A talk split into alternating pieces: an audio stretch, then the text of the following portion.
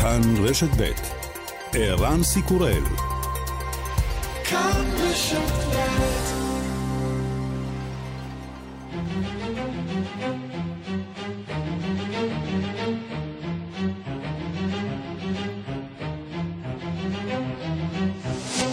השעה הבינלאומית 4 באוגוסט 2021 והיום בעולם.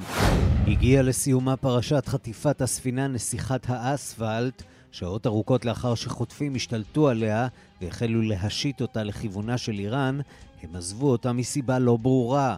דוקטור מוחמד מרנדי, מרצה באוניברסיטת טהרן, אומר ל-BBC, מדינות המערב הן אלה שאחראיות לפעולה מתוך ניסיון לחמם את הגזרה מול איראן.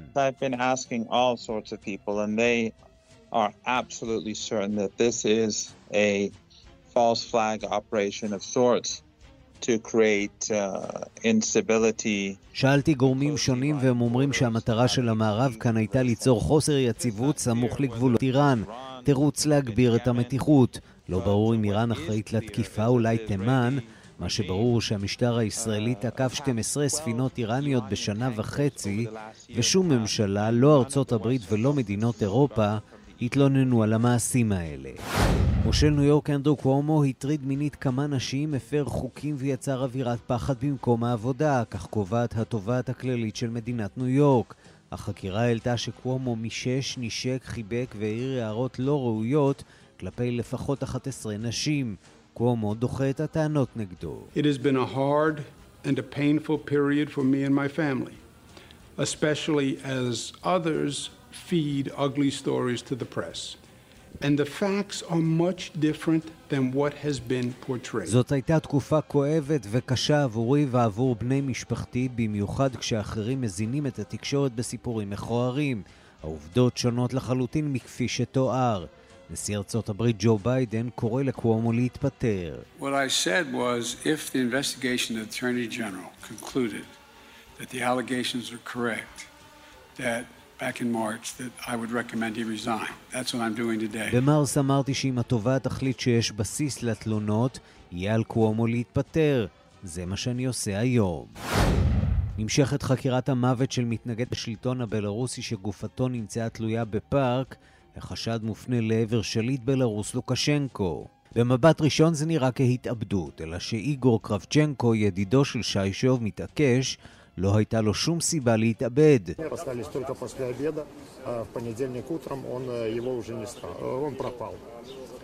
נפגשנו ביום ראשון ונפרדנו רק בשעות אחר הצהריים, ביום שני בבוקר הוא נעלם. הוא היה במצב מצוין ובמצב רוח טוב. לא היו סימנים מקדימים, שום דבר. ולכן אני יכול לומר באחריות שאין מצב. התאבדות לא באה בחשבון, זהו רצח. וריאן דלתא ממשיך להפיל חללים, כ-1,600 בני אדם מתו אתמול באינדונזיה, כ-1,200 בברזיל, כמעט 800 ברוסיה, גם מדינות אירופה בכוננות ספיגה, מעל 30 בני אדם מתו אתמול בספרד, באי קורסיקה שבצרפת למשל, מדברים על עומסים דומים לאלה שחוו בגל השלישי. La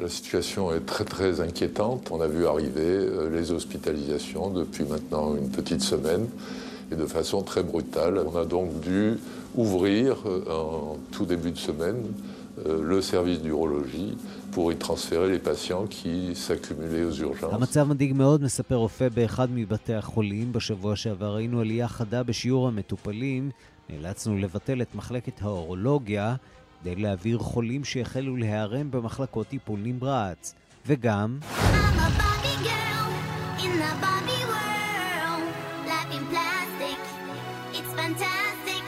ברבי מנסה לשנות תדמית, חברת מטאל יצרנית הבובה הפופולרית בעולם, החלה לייצר בובה בדמותה של פרופסור דיים סרה גילברט, המדענית שהמציאה את החיסון של אוקספורד ואסטרזניקה. דיים סרה הודתה שהתוצאה מעט מוזרה, ובכל זאת היא שמחה לגרום ליותר ילדות ברחבי העולם להבין שקריירה מדעית היא אפשרות שצריך לשקול. ברבי סרה גילברט היא רק אחת מחמש בובות בעקבות נשים ששינו את העולם.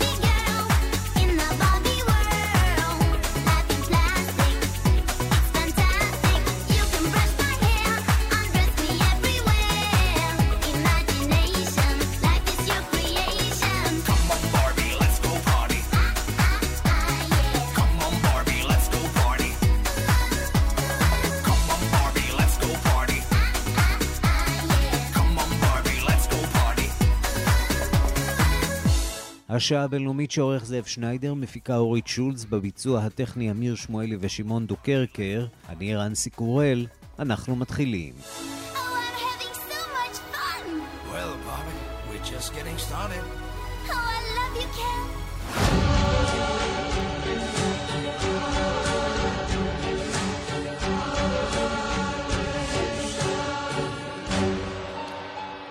שלום רב לכם, אנחנו פותחים בניסיון חטיפת אוניית אה, צי הסוחר במפרץ אה, אומן. חברת אה, ארגוס מדיה שמספקת מודיעין עסקי מדווחת כי השיגה הקלטות קשר שהיו אתמול בין האונייה אספלט פרינסס ומשמר החופים של איחוד האמירויות, בזמן שקבוצת איראנים חמושים ניסו להשתלט על הספינה ולחטוף אותה. שלום לכתבנו המדיני עמיחי שטיין.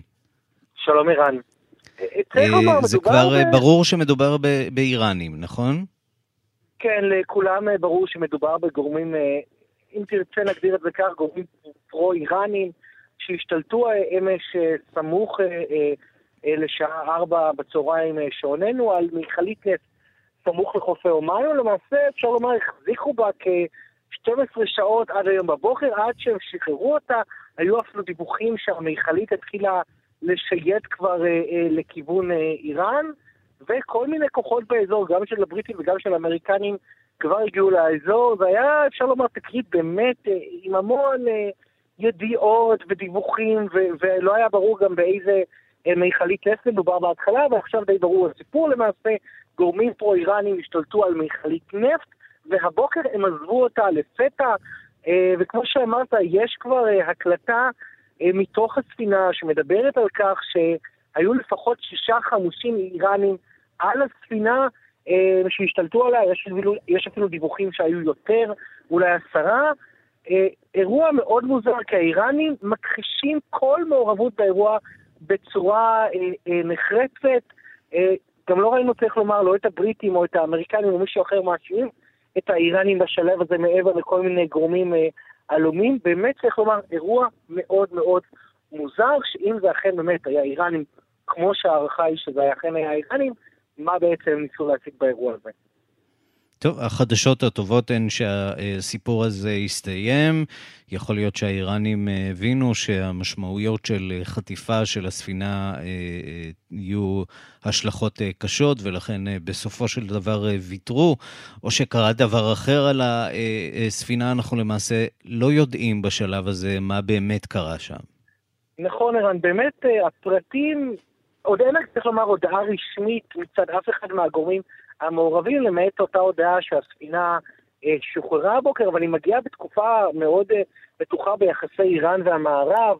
אנחנו אה, ראינו את התקיפה בשבוע שעבר, ביום שישי, תקיפת המל"ט הממולכד האיראני נגד הספינה מרסר סטריט, נהרגו שם אזרח בריטי ואזרח רומני, היום מודיעים הבריטים שהם הגישו יחד עם רומניה הצעת החלטה לגינוי איראן במועצת הביטחון של האו"ם, ומוקדם יותר היום כינסו במשרד החוץ, שר החוץ אה, לפיד ושר הביטחון גנץ, אה, שגרירים ממדינות של, אה, של, שהמדינות שלהן חברות במועצת הביטחון לתדרוך מדיני-ביטחוני עם בעצם ראיות על המעורבות האיראנית בתקרית שבוע שעבר, למעשה שישראל ובנפרד ארה"ב ובריטניה מנסים להוביל פה למהלך שכן יגרום לגינוי איראן על הפעילות שלה נגד כלי שיט, אה, או לפחות להרתיע אותה מלנקוט בצעדים זהים. אנחנו רואים את זה יותר ויותר בשנה ובשנתיים האחרונות, את איראן בעצם מעיזה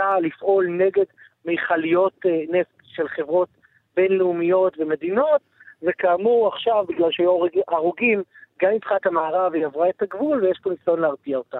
אה, כן, והאיראנים אומרים. אנחנו נמצאים למעשה כבר שנה וחצי תחת אה, מתקפה חוזרת ונשנית אה, נגד אה, כלי שיט שלנו. אה, זכותנו להגיב, טוענים האיראנים, ואנחנו בשלב הזה לא רואים תגובה של הקהילה הבינלאומית על המתקפות נגדנו. גם את זה צריך לקחת בחשבון בתמונה הכוללת של הסיבה והמסובב כאן בתוך הסיפור הזה. עמיחי שטיין. רק נגיד שהרמטכ"ל הבריטי אמר היום בצורה חד משמעית שהוא מרגיש שצריך להחזיר את ההרתעה אל מול איראן בכל הסיפור הזה של השיט הבינלאומי, וכנראה זה חלק מהאסטרטגיה הבריטית או האמריקנית שנעשית בימים האחרונים. עמיחי שטיין, תודה. תודה. האם מושל מדינת ניו יורק אנדרו קוומו בדרך החוצה? אמש התפרסם דוח הבדיקה של התובעת הכללית של ניו יורק, שמצא כי קוומו הטריד נש- נשים שעבדו תחתיו. המושל מכחיש את הטענות. שלום לכתבנו בוושינגטון, נתן גוטמן. שלום ערן. כעת גובר הלחץ על קוומו לפרוש, וזה מגיע אפילו מהדרגים הבכירים ביותר, נשיא ארצות הברית. כן, זה הולך כל הדרך אה, למעלה. בעצם הדוח הזה שפרסמה אתמול התובעת הכללית של אה, מדינת אה, ניו יורק, לטישה ג'יימס, אה, הוא היה מאוד חד משמעי, בעובדה שהוא היה מאוד נחרץ בקביעה שלו שהמושל קוומו אכן הטריד מינית לפחות 11 נשים שעבדו תחתיו, ושהוא יצר אווירה רעילה כלפי נשים. ב- ב- בממשלה של אה, המדינה בניו יורק, הדברים האלה אה, בעצם שחררו את הדמוקרטים לומר את מה שהם חשבו הרבה זמן, וזה שהגיע הזמן שאנדרי קוומו כבר יפרוש מהתפקיד. נכון שכאשר הטענות האלה צצו בפעם הראשונה, היו כבר כאלה שאמרו את זה, למשל אה, אה, ראש עיריית אה, ניו יורק ביל דה בלזיו, שלא מסתדר אה, כל כך טוב עם קוומו, אה, למשל אה, בכירים בתוך המפלגה הדמוקרטית, אבל לא היה את המהלך הכולל. והנה עכשיו, אחרי שהדברים האלה מתפרסמים, אנחנו בעצם שומעים את זה מכל הכיוונים, גם מחברי המפלגה הדמוקרטית, גם ממחוקקים בבית המחוקקים ה- ה- המדינתי של מדינת ניו יורק, שאומרים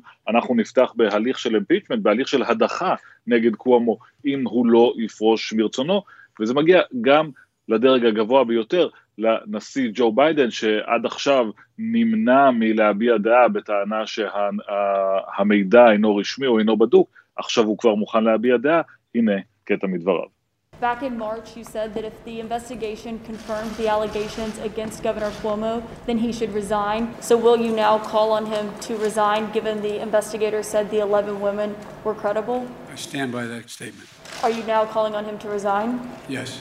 What I said was if the investigation of the Attorney General concluded that the allegations are correct back in March, that I would recommend he resign. That's what I'm doing today. I've not read the report. I don't know the detail of it. All I know is the end result.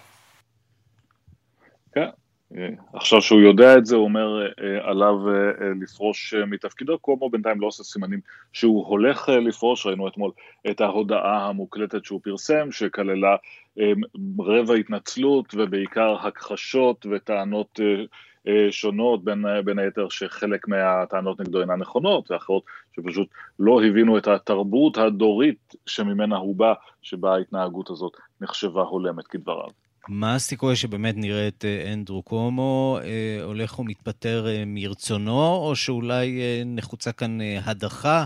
איך בכלל מדיחים מושל בארצות הברית?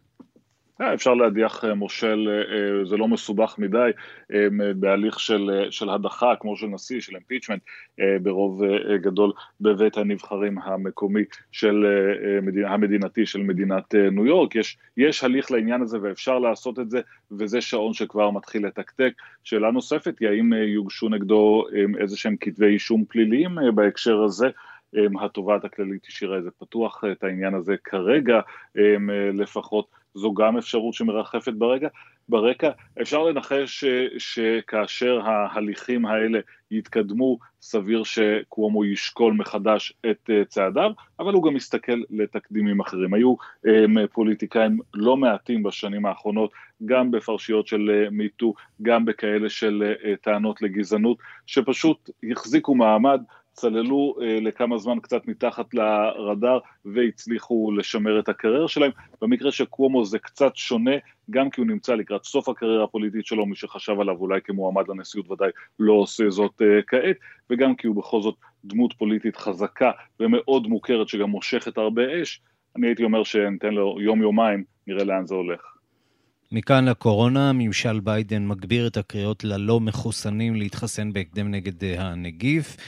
אה, בבית הלבן מצביעים על הלא מחוסנים כאחראים להתפרצות. עכשיו, והם תובעים ממושלי המדינות לפעול.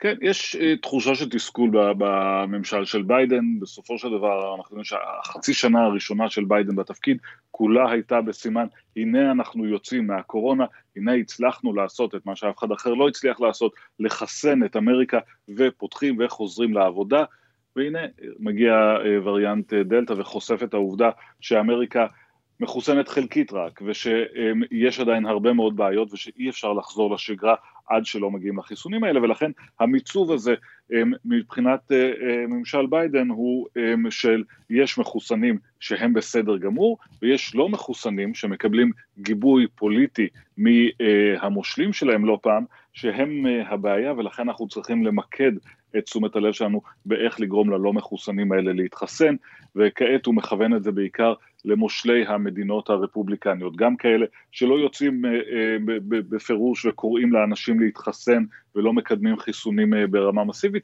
וגם כאלה שאפילו באופן פעיל מאשרים מיני חוקים ותקנות שיאסרו על, למשל, על מעסיקים לשאול האם העובדים מחוסנים.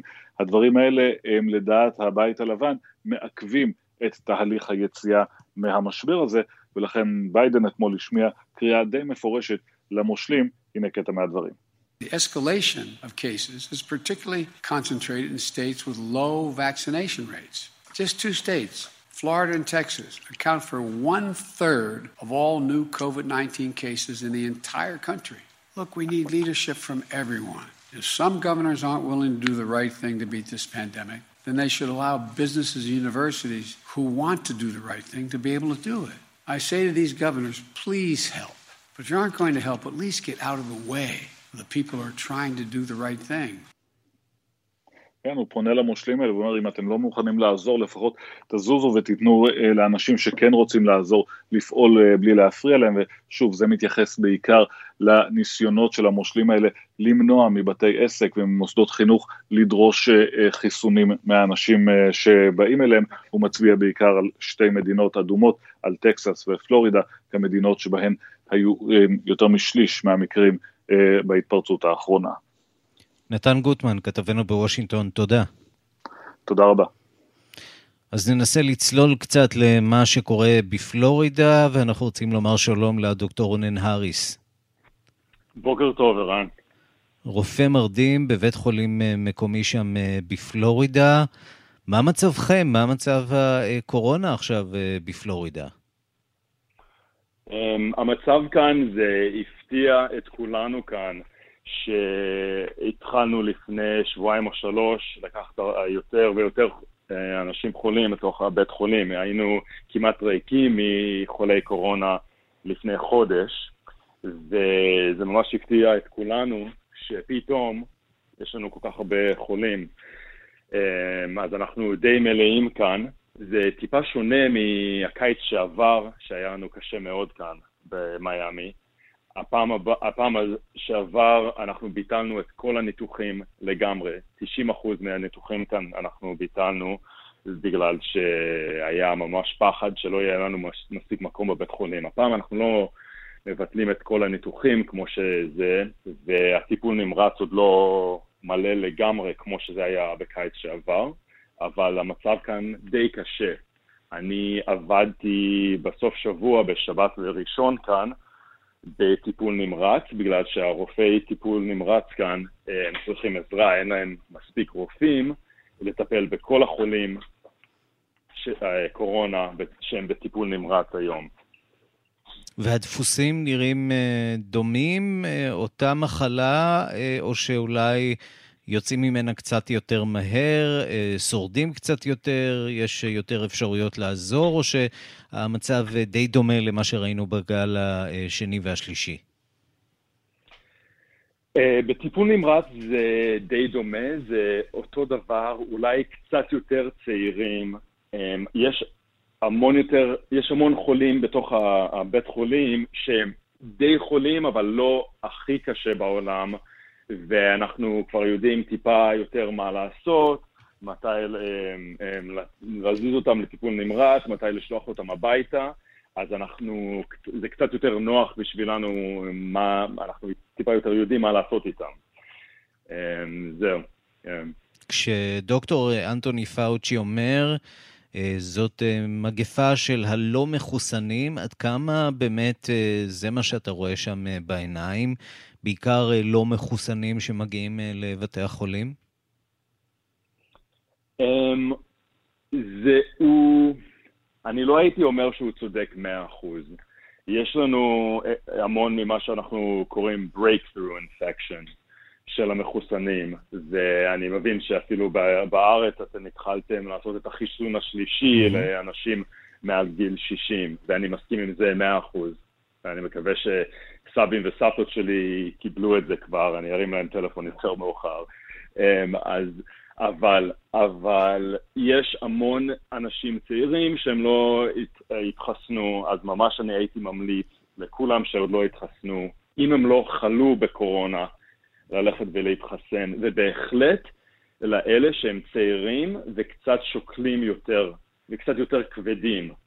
אמ, כי זה מה שאנחנו ממש רואים. האלה שהם, לא יודע, בגיל 30, 40, אה, היה לי אחד חולה בן 42 שהוא, שהוא מת בצערי כאן בסוף שבוע, אני ראיתי את זה, עוד אחד בן 33, ממש קש, אה, חולה קשה מאוד מאוד, הוא לא הת, התחסן גם כן. אז ממש האלה שהם צעירים ולא מחוסנים, אם הם שוקלים, אם הם קצת כבדים, ממש אני ממליץ להם להתחסן.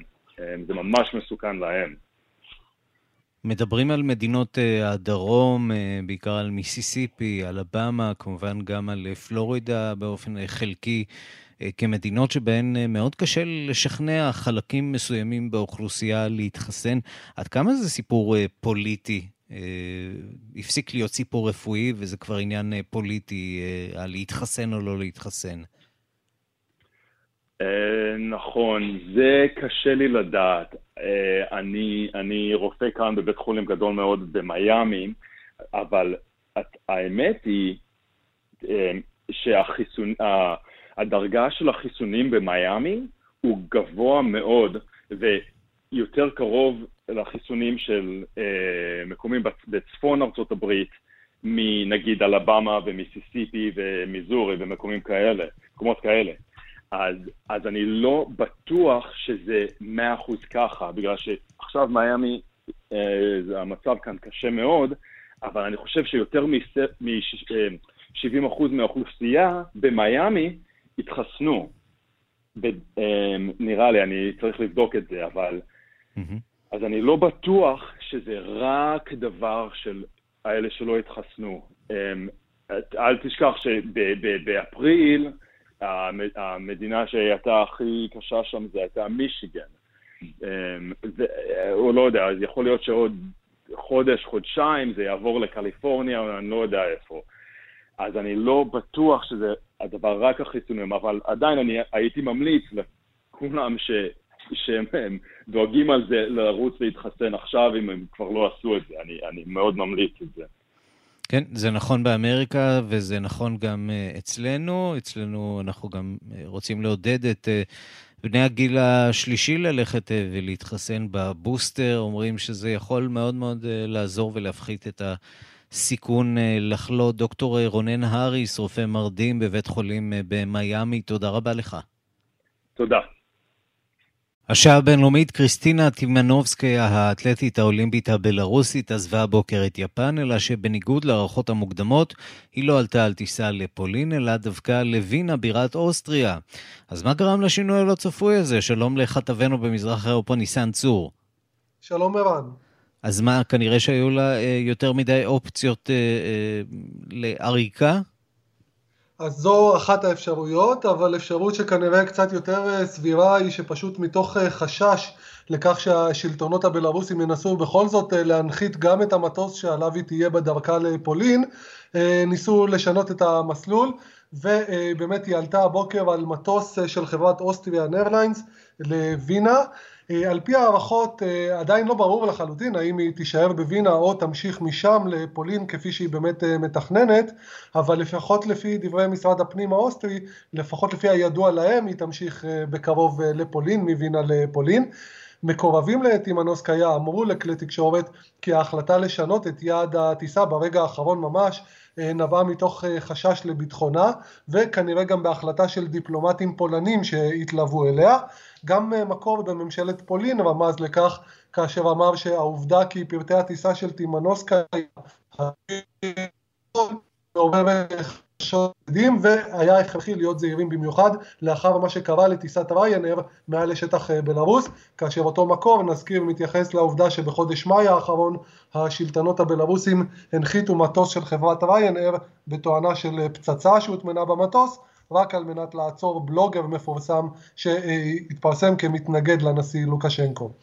דובר הוועד האולימפי הבינלאומי, מרק אדמס, העניק אתמול תדרוך לעיתונאים בנוגע להתפתחויות האחרונות במקרה הזה, כולל הודעה על ועדת בדיקה רשמית של הוועד האולימפי הבינלאומי, אפשר לשמוע מאמר אדמס. Yesterday, as you know, we decided to launch formal investigation into the case of Christine Simonskaya, led by the IOC administration. Today, we received a written report by the אתמול, NOC. כפי שאתם יודעים, החלטנו לפתוח בחקירה רשמית סביב המקרה של קריסטינה טימנוסקיה, חקירה שתתבצע על ידי הוועד האולימפי הבינלאומי. היום קיבלנו דוח כתוב מהוועד האולימפי הלאומי של בלארוס, דוח שכמובן ייבדק. התפתחות נוספת היא כי היום הוועד האולימפי הבינלאומי הקים ועדת משמעת על מנת לקבוע את העובדות במקרה הזה וגם לשמוע את ראשי המשלחת הבלארוסית למשחקים האולימפיים שהיו מעורבים במקרה הזה. אותם ראשי משלחת בלארוסים שאדמס מדבר עליהם האשימו לפני מספר ימים את טימנוסקיה עצמה, את האתלטית, שעוד לפני שעזבה את טוקיו הם האשימו אותה כי היא תכננה מראש לנצל את המשחקים האולימפיים על מנת לערוק מבלארוס, לאור העובדה כן, ניסן צור, קו השידור שלנו קצת משתבש, אז אנחנו נודה לך בשלב הזה. תודה רבה לך. תודה לך.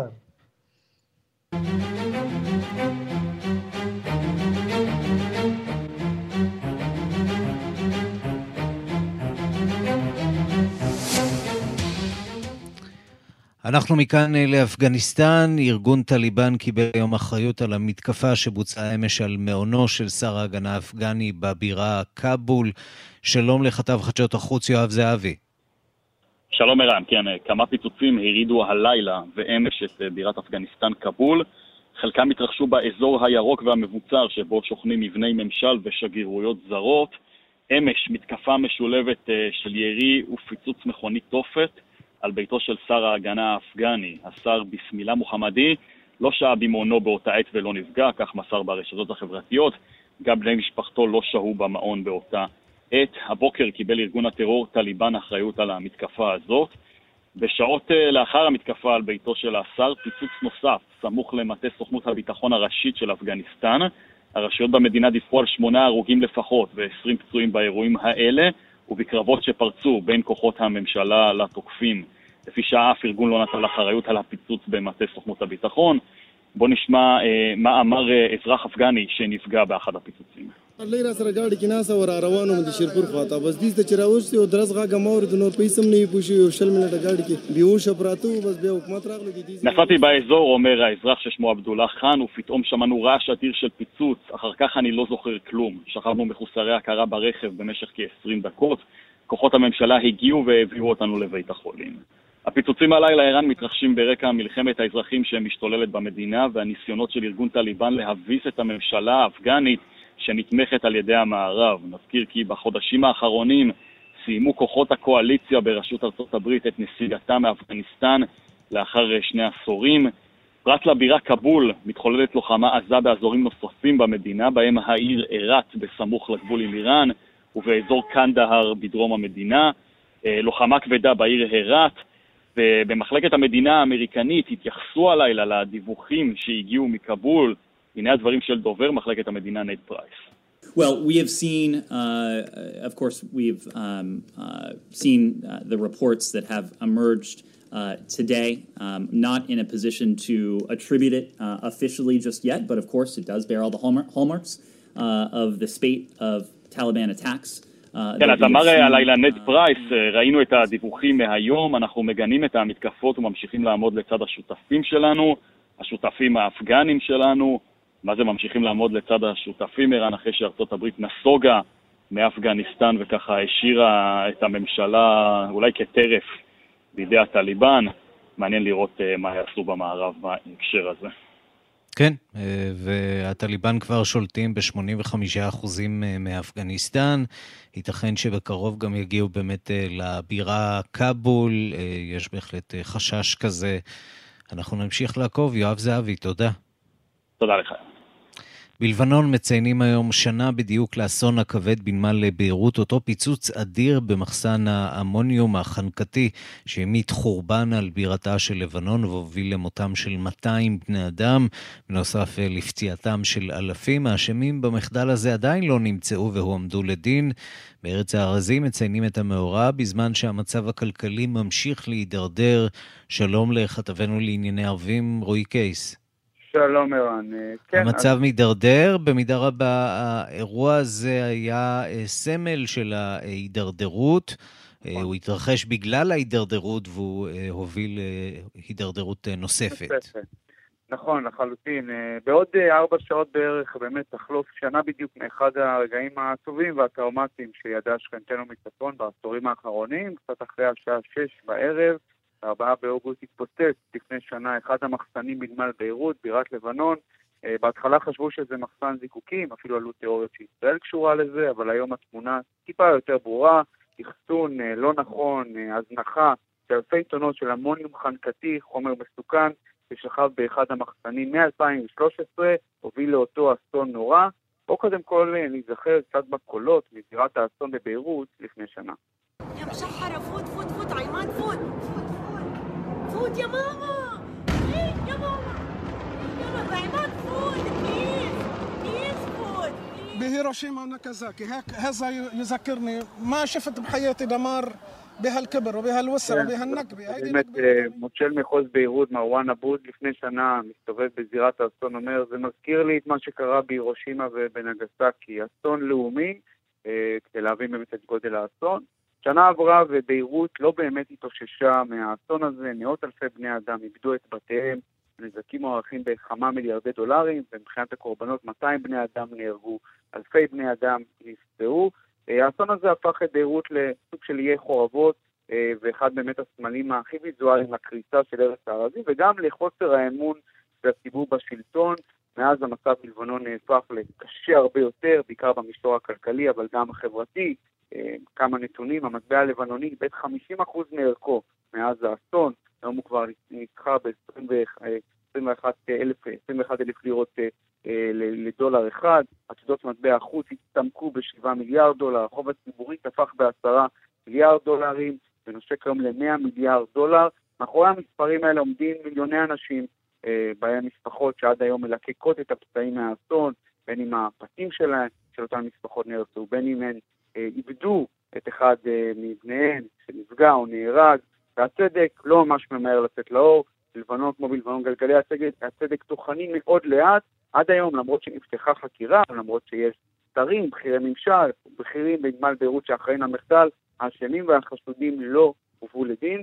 אני עד היום זוכר את ההבטחה בזמנו שתוך כמה ימים האחראים אה, ייחקרו ויועמדו לדין, זה לא ממש קרה, הציבור לא, סוחח, לא סולח ולא שוכח לפוליטיקאים, הנה אחד מהניצולים מהאסון בביירות מדבר ביממה האחרונה. كل يوم بتذكر الانفجار او بتذكر شو صار بهذا النهار البشع internal angriness شيء كتير مزعج especially انه بعد ما כן, حدا יש لقط לך بعد דובים, ما حدا שהמשרד שלו היה מול, ה, מול הנמל בזמן שהאסון קרה, הוא אומר, כל יום אני נזכר ב, ביום הזה אה, שקרה האסון, הוא אומר, זה מאוד מכעיס לראות שלא קרה כלום, האנשים לא הובאו לדין, אף אחד לא נכנס אה, אה, לבית הסוהר, והדברים למעשה נמשכו כמו שהם בארץ הארזים. וכדי להבין את גודל השבר, אז כמה ימים לאחר האסון, ממשלתו של חסן דיאב, שנתמכה בזמנו בידי המחנה של חיזבאללה, התפטרה, אבל כיום היא עדיין מתפקדת כממשלת מעבר גם בימים אלה. עד היום בלבנון לא הצליחו לפתור את המשבר הפוליטי הקשה, הייתה הדרישה של צרפת והמערב אחרי האסון להקים ממשלת טכנוקרטים, שתדחק הצידה את האליטה הפוליטית המוכרת והמושחתת. עכשיו יש מועמד סוני חדש להרכבת הממשלה, מיליארדר נגיד מיקאטי, מנסה לחבר את הקצוות אחרי שסעד אל-חרירי, בלתי נגבר, התייאש. מיקאטי ידוע בקשריו הטובים עם המחנה הפרו-סורי, חיזבאללה ושותפיו, וזה לא בשורה טובה לישראל כמובן. צריך לומר שבדומה לשאר הפוליטיקאים ובכירי הממשל, האסון בביירות גם לא עשה טוב לחיזבאללה. במחנה המתנגד לו האשימו אותו שהוא אחראי למה שקרה, כיוון שיש לו דריסת רגל והשפעה בנמל ביירות והוא מאחסן שם נשק, ארגון הטרור השיעי שללו זאת מכל וכול, אה, ולמעשה כולם זורקים את האחריות אחד על השני, בשורה התחתונה אף אחד לא נותן דין וחשבון על מה שקרה, ספק רב אם זה יקרה מתישהו, במדינה שבה הטיוח, ההסתרה והשחיתות הפכו לדרך ארץ ולשגרה, ולא נראה שיש איזשהו אור בקצה המנהרה שנה אחרי האסון הנורא הזה. ואת המחיר משלם העם הלבנוני. רועי קייס, כתבנו לענייני ערבים, תודה. השעה הבינלאומית בשבועות האחרונים נראה שאסון טבע אחד רודף אחר האסון האחר. שריפות, שיטפונות, רעידות אדמה. הערב בכאן 11 במסגרת סדרת הכתבות גיהנום מלא אדמות. כתבת כאן באירופה אנטוניה ימין לוקחת אותנו לאזור השיטפונות בגרמניה. שם עשרות אלפים איבדו את כל רכושם. רשימת אה, המתים שם עדיין לא נסגרה סופית. שלום אנטוניה. שלום, ערן. אז לאן נסעת? כן, אז אנחנו בעצם אה, נוסעים אה, בימים האחרונים למערב גרמניה, לכל הכפרים הקטנים האלה בריינלנד פלץ ובנורד ריין וסטפאליה.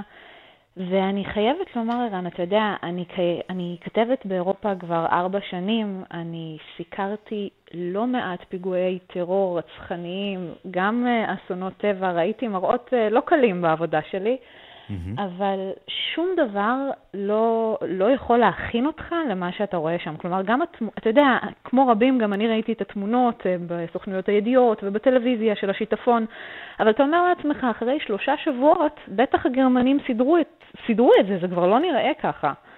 ואז אתה מגיע לשם, ו, וכפרים ציוריים, כפרים, כל מיני עיירות ספא אה, ועיירות יין אה, גרמניות נראות, זה, פשוט לא נראה כמו גרמניה, זה נראה כמו, כמו בנגלדש או, או כמו... זה- באמת, באמת, באמת קשה לתאר את זה במילים. הריח שיש שם, הריח של העובש, כשאתה נכנס לתוך המבנים, אתה, אתה ממש מרגיש כאילו הגרון שלך מתמלא בבוץ, קשה להישאר שם אה, יותר מדי זמן. אה, ובאמת אה, יומיים של הרס וחורבן והרבה מאוד אה, מוות, כי באמת, כמו שאמרת, רשימת הקורבנות שם עדיין לא נסגרה, גופות עדיין, פשוט כל יום מוצאים שם גופה נוספת במרתף מוצף. ב- וגם הרבה מאוד אכזבה מהשלטונות, הרשי לי לנחש. נכון, הרבה מאוד אה, אכזבה אה, מה, מהשלטונות. אה, אנחנו גם דיברנו על זה בתוכנית כבר, כבר שלושה שבועות בעצם מחפשים שם, מחפשים, שם, מחפשים את, את מי להאשים. וגם אם את האסון עצמו, את השיטפון עצמו, אולי לא יכלו למנוע, כי צריך לקחת בחשבון שהגשם, כמות הגשם שירדה שם בשעה אחת, היא המקבילה לכמות הגשם שיורדת בארץ בשנה אחת. אז באמת ש, שמדובר בכמויות גשמים מאוד מאוד נדירות, את זה אולי לא היה אפשר למנוע, אבל כן היה אפשר למנוע את האובדן בחיי אדם, אה, והרבה מהתושבים פשוט אה, כועסים על זה שלא הזהירו אותם. כלומר, החזאים כן דיברו על, על מזג אוויר שעשוי להיות אה, יוצא דופן, אבל אף אחד לא לקח את זה ברצינות, וזה באמת... מוביל את השטח להיראות כמו אחרי הפצצה. אנחנו uh, דיברנו עם uh, וולפגנג מייזן, הוא בן 87, ראה דבר או שניים בחיים שלו, הוא פונה מבית האבות uh, שלו בבת נוינה אחרי באמת השיטפון. בואו נשמע. Das haben wir ja erlebt. Da wir ja so alt sind, haben wir den Zweiten Weltkrieg ja auch erlebt. נראה es כמו אחרי המלחמה, אנחנו הרי חווינו את זה בגלל שאנחנו כל כך זקנים, חווינו גם את מלחמת העולם השנייה, וגם אז, אני אישית מגיע מדואסבורג, העיר הייתה נראית אותו דבר, הריסות על גבי הריסות, פשוט נורא. והכל אה, הערב במסגרת אה, סדרת הכתבות גיהנום עלי אדמות, שעוסקת אה, בהשלכות ה- שינויי האקלים, בהשלכות ההתחממות הגלובלית. אנטוניה ימין, תודה. תודה, ערן. מופעים הישר מלונדון, פריז וסן פטרבורג בפסטיבל אומנות על המסך, או איך צופים בטובי המופעים בעולם בעידן קורונה. המלצת אה, סוף השבוע שלנו, שלום לחוקרת התרבות מירי קרימולובסקי. שלום, שלום, ערן. טוב, אז אה, אנחנו לצערנו- מדברים על מדינות שחלקן אה, אדומות מבחינתנו והן לא ממש אופציה. אה, איך. בכל זאת נהנים? בדיוק כך. אה, אגב, זה פסטיבל ששנה שעברה הוא היה פעם ראשונה, קוראים לו אומנות על המסך, של חברת עדן סינמה במוזיאון תל אביב לאומנות, והיו בטוחים שאתה יודע, זה יהיה פעם אחת, שנה הבאה, אתה ואני נוכל לשבת בלונדון, בווסט אנד, הכל יהיה בסדר. זה לא קורה. אז השבוע, שוב, אומנות על המסך, אה, מי שיזם את זה זה קרולין בונה, אה, שהיא אה, גם עושה את פסטיבל הסרטים עוללה הצרפתים, והרעיון הוא בעצם על המסך שתראה למשל את המופע הנפלא של מתיו בורן, נעליים אדומות. מתיו בורן, אני אזכיר, הוא כבש את העולם כשהוא עשה את אגם הברבורים עם בחורים, הוא גיי בעצמו ואחד הקוריאוגרפים המופלאים שבכלל הכניסו ישירות את עולם הגייז, את הנושא של רקדנים שמודים בכך שהם מין בילי אליוט כזה, אה, גרסה כזאת, אחר כך הוא עשה אגב גרסה של קרמן שקראו לה The Car Man, והיא הייתה במוסך, וגם הפעם זו גרסה הוליוודית לסיפור הזה שהיא נועלת את הנעליים האדומות, ואז היא לא יכולה להפסיק לרקוד, והאם היא תחליט להתאהב או להישאר אה, רקדנית. זה ממש תחושה שאתה נמצא אה, בלונדון, זה הרעיון, גם יהיה 42nd Street, שזה שוב אה, מיוזיקל מאוד מאוד אה, אהוב כמובן. הכל בעצם על אה, מסך אה, מאוד גדול? זה זה נכון. הרעיון? זה הרעיון, אז אתה תגיד לי, מירי, זה הרי לא הדבר האמיתי, אבל זה הכי מהמם. קרוב לדבר האמיתי. מדובר בחמישה ימים, 16 אה, מופעים, עוד אה, אה, סרט שעוד לא הוצג, הוא נראה לי מאוד מעניין, יהיה אה, סרט שיצא בחו"ל, אבל גם בחו"ל, אתה יודע, לא הכל יוצא אה, בגלל שהם שומרים את זה לזמנים טובים יותר, סרט על אייפל, על האיש המשוגע שהחליט לבנות את המגדל שלימים הפך לאחד המגדלים, אם לא המגדל המפורסם בעולם, גוסטף אייפל, כל הקשיים שלו ומה הוביל בעצם לסיפור הזה. ומפריז, מהאופרה של פריז, את אגם הברבורים שבזמנו אה, עשה נורייב הגדול. אה, זאת אומרת, בעצם פסטיבל שמנסה להביא לך קצת אה, מכל דבר להרגיש את התחושה, ובואו נשמע קטע ממתיו בורן מהבלט שלו לסיום.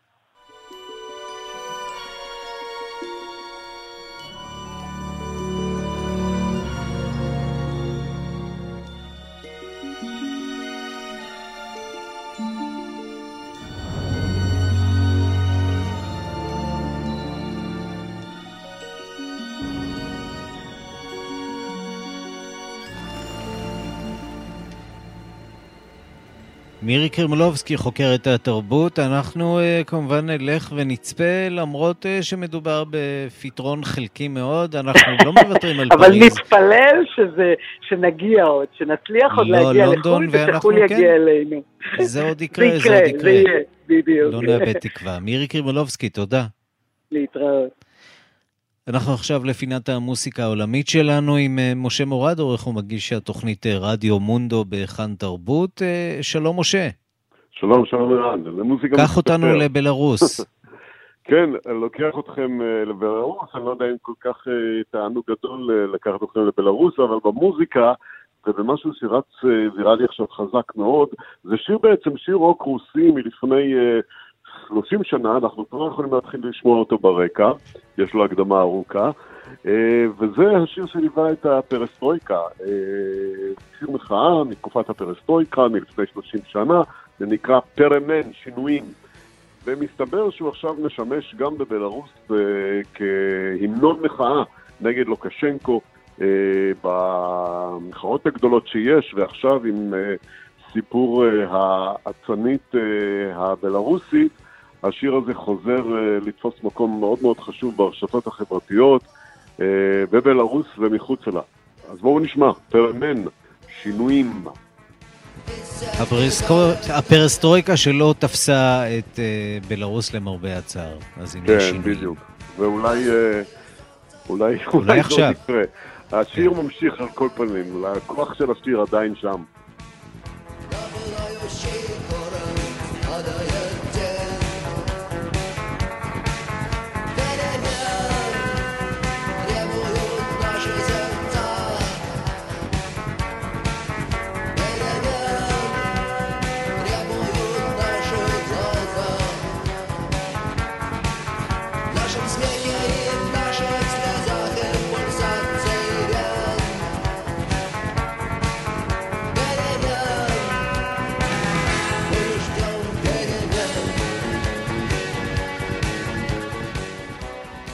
עוד הרבה מוסיקת עולם בכל יום בשש בערב בכאן תרבות. משה מורה, תודה. תודה אירן, שמתי לב שיש לנו הרבה שם אחד בזמן האחרון, כנראה זאת התקופה. תודה. תודה. ועד כאן השעה הבינלאומית, אה, מהדורת יום רביעי, אחרונה בשבוע, שערך זאב שניידר, המפיקה אורית שולץ, הטכנאים אמיר שמואלי ושמעון דוקרקר. אני רנסי קורל, מיד אחרינו רגעי קסם עם גדי לבנה, מחר מרחבת עם ערן זינגר. אנחנו נפגשים שוב ביום ראשון בשתיים בצהריים עם מהדורה חדשה של השעה הבינלאומית. ועד אז המשיכו אה, להתעדכן 24 שעות ביממה ביישומון של כאן, שם תוכלו למצוא את כל הדיווחים, הפרשנויות, הכתבות ומהדורות הרדיו והטלוויזיה. אתם מוזמנים אה, גם אה, לעשות לייק לעמוד הפייסבוק של כאן ב', להגיב ולהתחבר לתכנים נוספים שלנו. להתראות. Russian yeah.